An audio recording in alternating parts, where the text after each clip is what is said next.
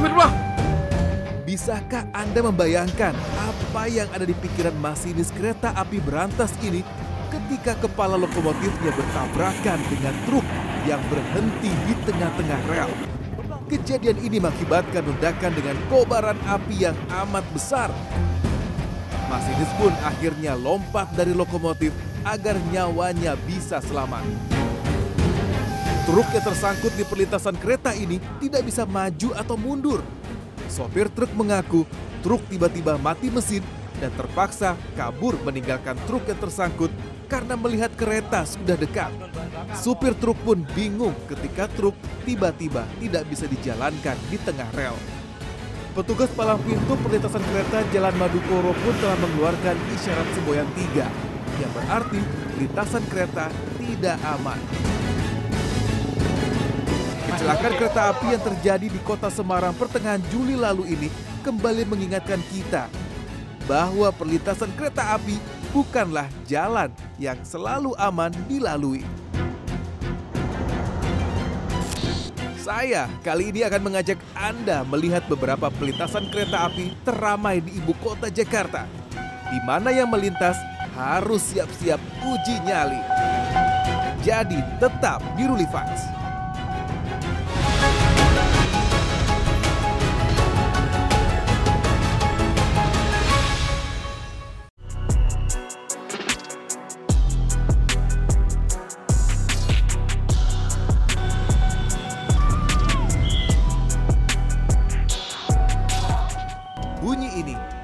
Terdengar di pelintasan kereta dengan palang pintu stasiun Kebonjati Matraman Jakarta Timur. Seketika itu pula palang pintu kereta turun. Ada pengendara yang langsung berhenti, tapi banyak pula yang masih melaju melintasi rel meski palang sudah hampir berhenti turun. Ya, inilah suasana yang sering terlihat di tiap wilayah perlintasan kereta api dengan palang pintu. Padahal mata sudah bisa melihat lokomotif kereta sudah terlihat Wah, mendekat. kereta dari Jati, dari Jati. Petugas penjaga perlintasan pun langsung memantau kondisi dari dalam pos. Sembari mendengar 40, informasi lanjutan. 40. untuk Di pos petugas kecil ini, saya bertemu dengan Pak Ahmad, penjaga perlintasan kereta api stasiun Kebonjati. Tapi sebelumnya, saya harus memakai rompi oranye menyala ini sebagai protap keselamatan berada di pos penjaga. Di pos berukuran sekitar 2 kali 3 meter ini, Pak Ahmad bertugas selama 7 tahun ini. Ia tahu benar pentingnya fungsi seorang petugas, sehingga mengecek handphone saja sudah amat susah. sebenarnya kita nggak bisa jadi patokan dengan ini Pak. Kita harus standby di depan karena. Karena kita takutnya namanya mesin takut ada gangguan apa. Oh iya. Jadi kita harus tetap Jadi satu langsung lihat di ah, jalanan langsung ya lebih langsung, lebih ini lebih pede lebih, jadinya ya. lebih enak dan lebih steril. Meski tidak bisa bersantai karena mengawasi tiap detik lampu deteksi kereta mendekat, sekaligus memantau kondisi di perlintasan, Pak Ahmad ternyata sering mengelus dada karena banyak pengendara yang memakinya. Sepanjang tujuh tahun bertugas nih Pak Ahmad. Duka paling mendalam menjadi seorang penjaga pelintas itu apa Pak sebenarnya? Dicaci maki sama pengendara. Itu sering keluar. Sering ya ya ya namanya kita dinas ya kan nama kita melaksanakan tugas ya kita harus nikmatin aja sendiri. Dari Pak Ahmad, saya diajarkan tiap fungsi tombol-tombol penting di pos ini. Wah, Pak, lagi ada kereta. kita nutup dulu kereta ya Pak. Kita Bentar. tunggu dulu ya. Biar Aduh, enak. masih ada yang lewat. Nah ya kan, Bapak bisa nyaksiin sendiri Oh. kan.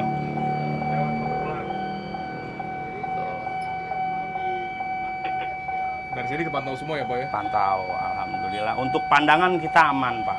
Pandangan Oh, hulu hilir kita aman. Untuk pandangan penglihatan kita, oh. untuk eh, Ayo, sinyal pun kita aman Pak di sini. Oke. Kita masih nunggu. Sambil nunggu kereta lewat, udah palang sudah tutup semuanya Pak Ahmad. Ya. Saya pun ikut Pak Ahmad untuk bertugas. Berdiri dekat dengan perlintasan, memberi kode ke masinis yang lewat, dan tentu saja menyapa mereka. Tak ketinggalan terpaan angin kereta yang melaju kencang. Dan butuh nyali lebih untuk bisa berdiri dengan jarak sedekat ini dengan kereta. Tadi ada tanda semut. Set, set. Dari Pak Ahmad pula saya dijelaskan apa arti lengkap dari isyarat semboyan tiga. Bendera semboyan Nah, tiga. nah, bendera sembilan tiga seperti Oh. yang merah. Oh. Jadi bila mana kira-kira semua pengguna terjebak di tengah, Hmm. kita bisa sesuai dengan SOP yang diterapkan sama PT Kereta Api, kita lari 200 meter dari sini, Hmm. palang pintu nutup palang pintu dulu, kita lari bawa bendera semboyan tiga untuk membertikan kereta. Kasih tahu bahwa ada ada yang Ada yang terjebak di pelintasan. Hmm, Terlintas. Berarti Bapak lari 200 meter kejar Iya. kereta. Ya, ke sana. Oh, gitu. Selama beberapa jam saya mengikuti Pak Ahmad bertugas dan melihat dengan langsung bagaimana keriuhan dan kesemrautan salah satu palang pintu kereta tersibuk di Jakarta ini. Udah mulai lewat lagi semua. Ada lagi. Belum lima menit. Belum 5 menit. Belum dua menit. Belum Belum 2 ada. menit ada lewat lagi, kasih tanda lagi. Tuh kayak begini kan tuh Pak. Adanya relawan ngebantunya ini Pak. Di Bapak melihat dengan adanya relawan di tengah pelintasan seperti apa Pak Ahmad? Sangat membantu Pak. Jadi kita bisa bantu di saat misalkannya ada pengendara masih terjebak di tengah-tengah kan, Hmm. belum bisa palang pintu sudah tertutup, dia bisa bantu untuk lolosin lewat bawah gitu Pak. Bapak sering melihat banyak kejadian kayak gitu? Sering Pak. Bukan sering tiap hari Pak. Tiap hari. Tiap hari Pak. Tugas utama Pak Ahmad adalah menjaga dan mengamankan arus pelintasan kereta api yang melintas dengan menurunkan palang pintu. Tapi untuk mengawasi ini semua, ternyata ada orang yang ikut melerek kesemrautan dan membantu Pak Ahmad setiap harinya. Salah satunya adalah Mancung. Begitu wanita muda beranak satu ini biasa dipanggil.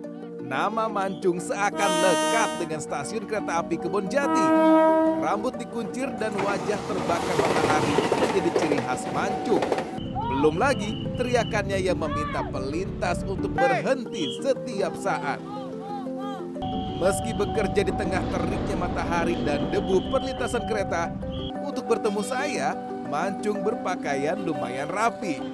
Blazer abu-abu dengan celana panjang warna senada. Tak jarang banyak pelintas yang menggoda Mancung karena bertugas dengan gaya yang amat tidak biasa.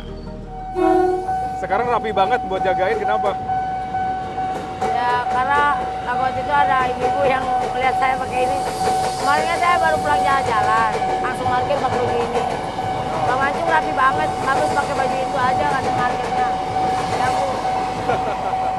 Kadang kan saya pakai tanya sobek, sobek, sobek, sobek. Mancung sudah menjadi pengatur lalu lintas di pelintasan ini sejak 8 tahun lalu.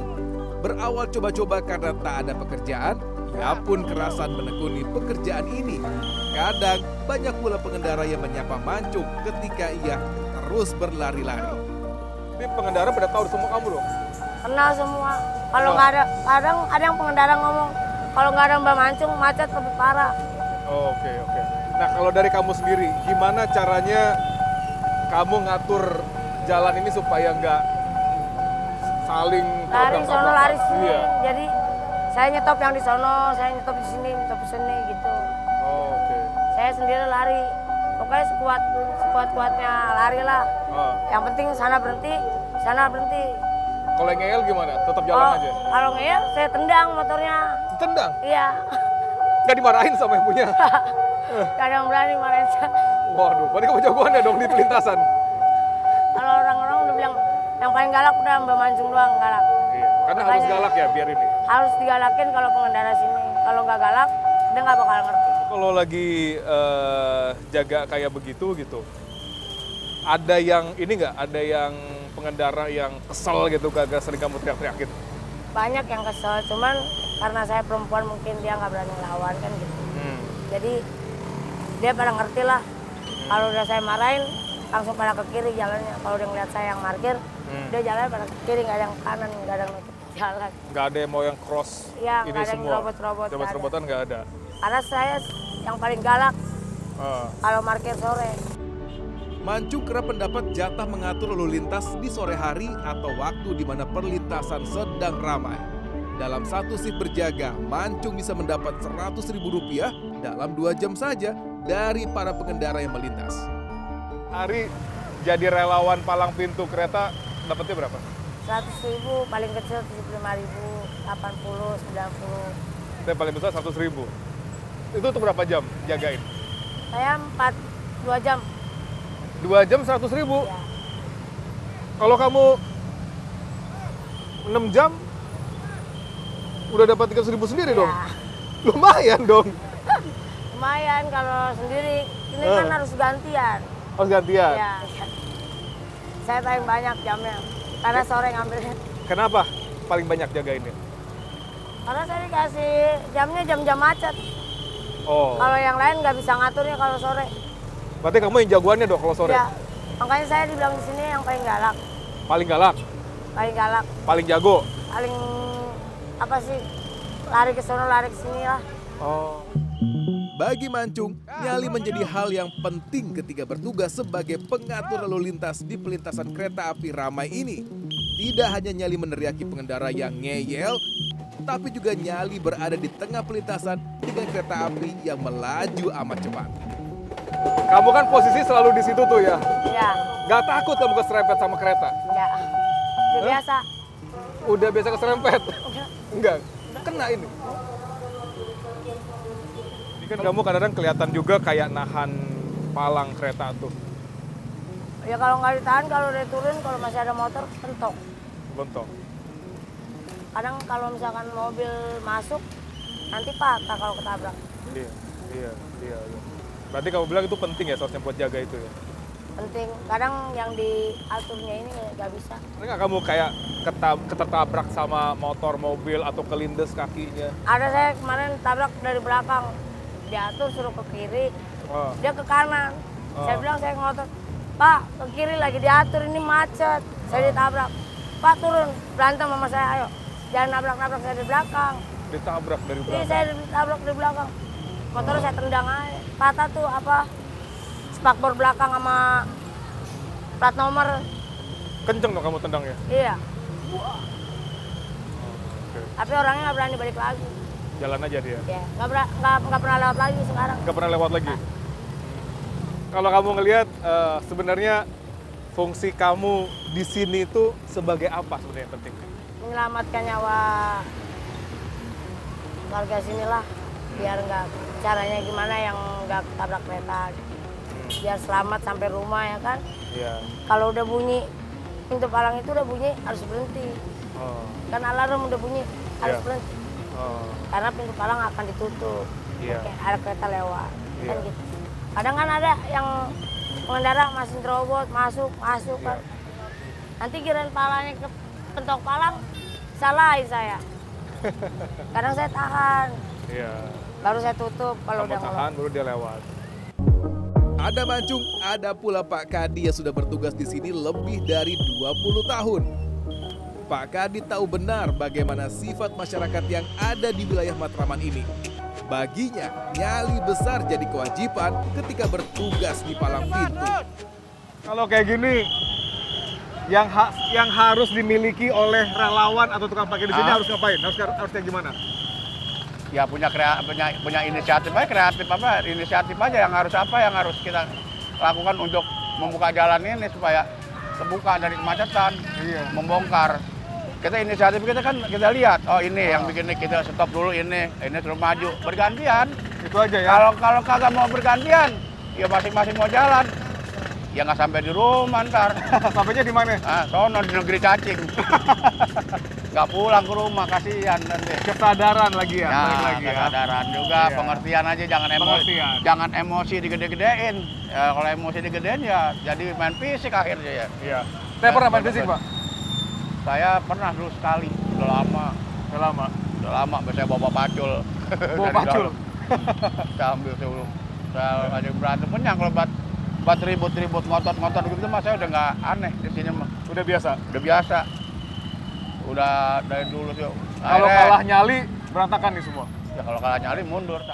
Saya jamin Pak, kalau kagak ada yang ngatur di sini, itu seminggu bangsa dua tiga orang masa ketabrak mati ada. Saya yakin. Segitu nggak mau ngalahnya orang-orang di sini. Taruh deh, nggak ada nih orang, nggak ada nggak ada ngatur, nggak ada nggak ada parkir ya, Ah, kosong nih tempat.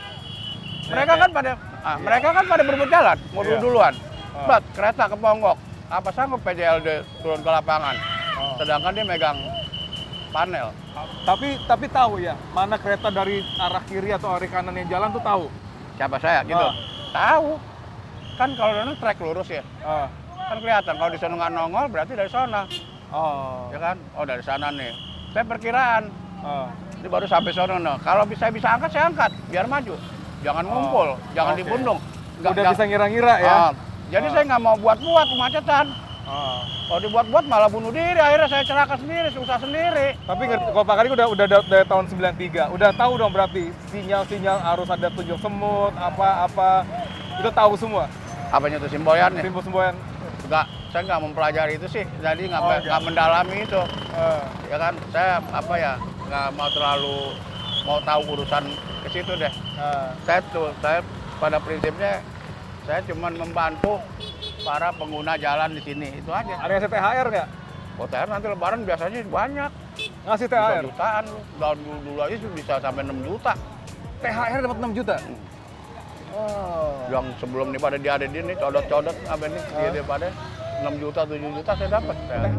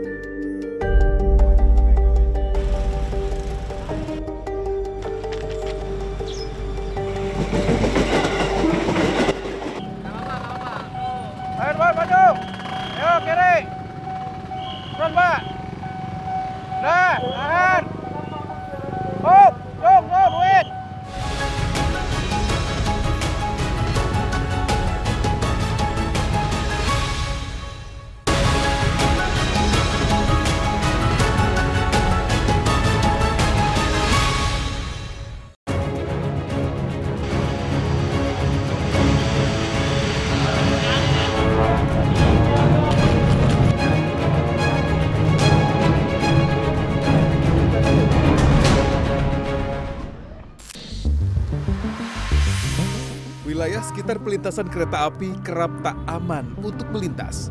Meski sudah ada palang kereta, banyak pengendara yang memilih menerobos palang dan berakhir tragis.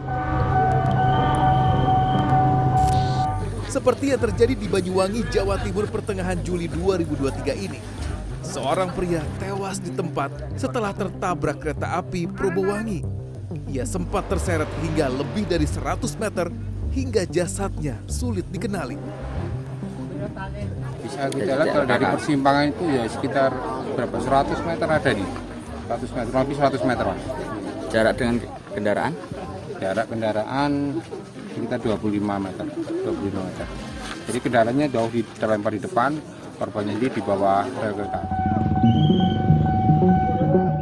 Jika pelintasan dengan palang kereta saja menuntut pengguna jalan berhati-hati, bagaimana dengan yang tidak dilengkapi palang?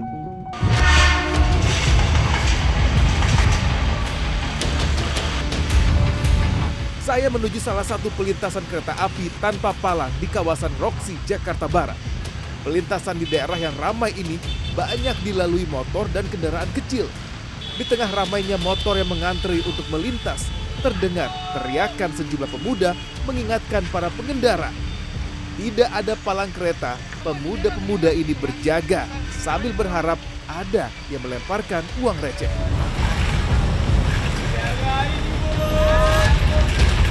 Sedikitnya ada lima orang pemuda yang bertugas di tiap shift. Mereka berjaga di ujung-ujung gang sambil membawa kaleng bekas. Teriakan berhenti, tahan, kereta selalu terdengar. Saya bertemu dengan Engkong, begitu dia biasa dipanggil. Menjadi penjaga pelintasan paling senior, Engkong kadang bertugas membagi shift berjaga di pelintasan Roxy ini. Menurut Engkong, sedikitnya ada 50 orang yang bergantian bertugas di pelintasan sebidang Roxy. Dia ini nggak nggak bisa kosong ini. Nggak bisa kosong. Nggak boleh kosong. Nggak boleh kosong. Takutnya apa kalau kosong? Takutnya tak ada kereta. Tidak pernah ada kata berhenti untuk memperhatikan sekitar. Engkong terkadang juga sulit mengatur arus motor yang masuk dari dua sisi jalan. Tak jarang teriakan untuk bergantian jalan terdengar. Kalau di sini yang paling sulit ngaturnya kayak gimana? Ya sulit kalau nggak pada lagi jam macet. Jam macet. Jam macet, waduh benar sulit banget jam macet. Ya, jam macet doang. Jam yang bikin sulit apanya, Kong? Atau motornya doang. Ini kan lagi di stopin nih. Ah. Suka ada nggak tiba-tiba nyelonong sendiri karena ngelihat belum ada kereta? Ada aja, ada aja yang nyala. Yang Ada aja bandel ada gitu? Aja, ya. Kalau Ada gitu teriakin dong. Teriakin, mau nggak mau teriakin. Teriakinnya kayak gimana? Hah? Teriakinnya gimana? Kalau kereta, wah itu doang. Bang bandel loh, nyawa lu banyak, nyawa lu, nyawa lu baik silakan. Ya kan? Ah. Yang dari sana masuk ke dua, dua motor. Iya, sana masuk. Sini masuk. Ya, yang dari sana. Ini cuma sini doang. Yang dari sini nih kan, mas bareng kan. Keluar mas satu. Ribet Masuk juga ngurusnya ya? Ribet juga. Ribet kok, ribet di sana. Ini masih sepi, ada sampai penuh.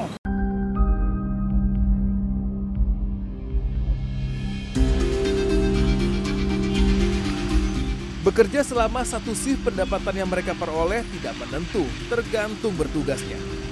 Ya, Kalau dalam satu shift kira-kira bisa dapat berapa paling gede? Kalau satu shift tuh yang kalau yang pada setengah jam mungkin ya bagian lah baca 30 40 bagian ya. Setengah jam, Ah, 40 yang satu jam barang nggak nggak bisa tentuin sih di sini nggak bisa tentuin. Ah. Biarpun satu jam barangnya bagian lah 80 70. 80, 70. Itu ya itu belum diambil untuk santunan yatim. Oh. Ah, gitu. Santunan yatim sama buat lawatan belum. Jadi gitu. Yang bendera. jaga di sini harus bayar satu anak yatim semua. harus itu.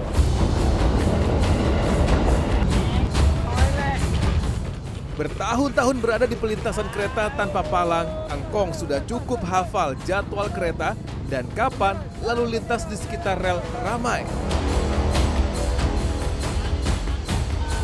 Pria yang sudah tanggal beberapa giginya ini terus memberi kode ke pemuda lain yang bertugas dari mana arah kereta yang akan melintas.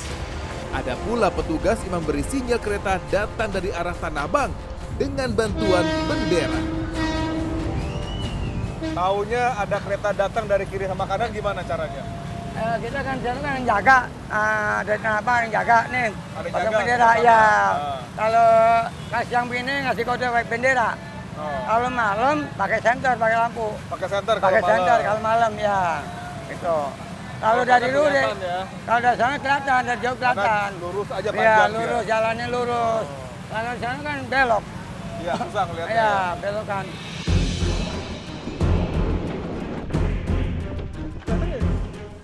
Tidak hanya bertugas di depan pintu masuk kendaraan, ada pula yang bertanggung jawab memberikan tanda kereta akan datang dari arah lain. Kali ini yang bertugas adalah Pak Gondrong. Menyusuri jalan setapak berbatu, saya bertemu pria 50 tahun ini. Sama seperti engkong, Pak Gondrong sudah cukup senior di pekerjaan ini. Dengan gaya nyentrik, topi khas, rompi Persija, dan aksesoris, mata Pak Gondrong tak pernah lepas mengamati lintasan kereta api dari arah Tanah Abang. Jadi ini posisi kita untuk melihat kereta dari arah Tanah Abang. Tanah Abang. Kalau Berarti di Tanah Abang, sini? di sini bang. Eh, Posnya. posisi ini. Iya, Berarti sama sekali nggak bisa meleng. nggak bisa. Harus lihat terus Harus, ke belakang, itu lihat harus. ke sana lagi Iya. gitu ya. Itu harus. Harus pak. Kalau tiba-tiba kebelet mau kamar mandi gitu atau kamar Nggak, kecil, Ada penggantinya nanti itu. oh ada ada Ada. ganti-gantian. Iya, ada. Berarti kalau satu shift di sini jaga berapa orang pak? Tiga. Satu shift bertiga di sini. Iya, tiga orang. Enggak, satu shift satu. Oh itu satu orang. Satu, iya. Itu Oh tiga dalam satu aja. hari yang jaga sebagai pengibar bendera ini berapa orang? Tiga. Tiga, orang. satu hari. Iya. 24 jam. Iya. Enggak, enggak sampai 24 Oh, jam. enggak. Jadi jam 9 selesai. Jam 9 malam selesai. Selesai karena main lampu. Kalau kereta kan main lampu. Kalau Oh, lampu, udah kelihatan ada lampu Iya, dari sini. iya. Itu udah tanda buat di sana Udah aja sana, berarti iya, ya. udah lampu. Bagi Pak Gondrong, bertugas sebagai pemberi sinyal bendera membuatnya awet muda. Paling tidak karena ia dituntut untuk berlari sekitar 50 meter setiap saat untuk memberitahu rekan yang ada di pelintasan Roxy. Pak kalau kayak gini kan dari sini buat ke sana kan harus lari dulu ya. Iya. Berarti bolak-balik lari terus. bolak-balik. Iya. bolak-balik. Kira-kira dalam udah. satu sim bisa berapa kali bolak-balik? itu kurang tahu dah kalau itu sih. Kalau itu pokoknya ada kereta langsung lari balik lagi gitu. Ada kereta lari, kasih Balik tanda, lagi. balik lagi ke sini. Hmm. Sempat minum kopi, sempet apa? Mau kopi, Masih makan bisa. apa masih bisa. Hingga sekarang ini udah ada kasih tanda nih ya. Saya pun penasaran dari mana recehan yang diterima Pak Gondrong. Kalau di sana kan ada yang ngasih duit nih Pak. Di sini ngasih duit siapa? Kagak, ini sih kagak. Gak mungkin dari kereta kan lempar. Iya, nggak mungkin ini sih nggak mungkin. Kagak lah, nggak mungkin lah. Siapa mau kasih duit di sini? Nah, akhirnya gimana kok jaga di sini? Jadi uang sendiri, jadi pakai uang sendiri. Pakai uang sendiri? Iya, pakai uang sendiri jadi makan apa ngopi uang sendiri lah. Dari sana nggak ada yang ngasih kalau kayak gitu? Kagak, kagak ada itu. Kan kita kan lagi ngecek kan sana, Oh, dapat baru harus ke sini. oh gitu, jaga Iya, di sini. Jaga di sini. Makan sendiri itu sendiri jadi Oh, berarti di sini nggak ada yang nggak dapet jatah itu ya? nggak nggak dapat, Oh. Pernah keserempet kereta nggak Pak jaga di sini? nggak pernah. Bertahun-tahun nggak pernah itu. Nggak pernah ada yang kecelakaan di sini ya? Cuma kalau orang ketabrak tuh ada, Warga sini. ya warga sini ada. Oh. Tapi jam-jam padatnya kereta udah udah Udah hafal tahu lah, banget udah ya. apa. Pokoknya jam sekian jam sekian udah tahu. udah tahu. Yang penting nggak ngasih, nggak telat aja ngasih tanda ke sana. Iya. Berat juga nih tugasnya.